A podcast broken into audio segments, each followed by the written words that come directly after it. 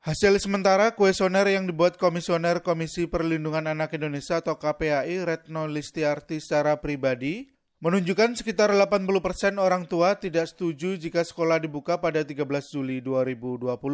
Sedangkan 80 persen siswa dan 60 persen guru setuju sekolah dibuka. Kuesioner yang disebar selama 32 jam ini saat ditutup pada Kamis 28 Mei pukul 7.30 waktu Indonesia Barat telah diisi oleh 9 ribuan siswa, 18 ribuan guru, dan 196 ribuan orang tua. Kalau anak-anak sendiri, ya memang udah kangen teman-temannya dan lebih senang katanya belajar di sekolah hmm. dengan alasan-alasan tertentu. Nah, hmm. itu kalau orang tua nggak menolak, karena takut anaknya tertular itu ya memang banyak. Sementara itu Ketua Umum Pengurus Besar Persatuan Guru Republik Indonesia atau PBPGRI Unifa Rosidi meminta pemerintah tidak terburu-buru membuka sekolah pada tahun ajaran baru atau Juli mendatang.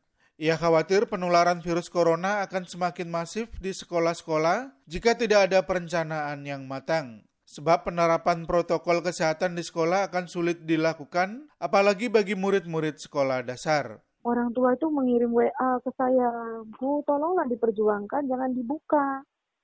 Kami kan sudah menuruti protokol pemerintah, protokol kesehatan. Sekian lama kami jaga anak-anak di rumah.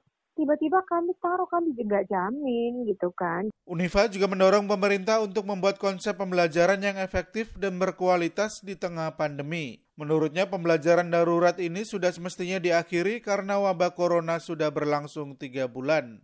Pelaksana tugas Dirjen Pendidikan Anak Usia Dini, Dasar dan Menengah Kementerian Pendidikan dan Kebudayaan atau Kemendikbud, Hamid Muhammad mengatakan, tanggal 13 Juli mendatang merupakan tahun pelajaran baru. Kendati demikian, tahun ajaran baru ini tidak berarti kegiatan belajar mengajar dilakukan secara tatap muka. Menurutnya, metode belajar di sekolah akan disesuaikan dengan kondisi daerah masing-masing. Sebelumnya, Mendikbud Nadiem Makarim juga sudah menegaskan bahwa keputusan pembukaan kembali sekolah tidak akan dilakukan sepihak oleh kementeriannya. Namun akan ditetapkan berdasarkan pertimbangan gugus tugas percepatan penanganan COVID-19, termasuk soal waktu dan metode pembelajaran di sekolah. Dari Jakarta, Sasmito Mandri melaporkan untuk VOA Washington.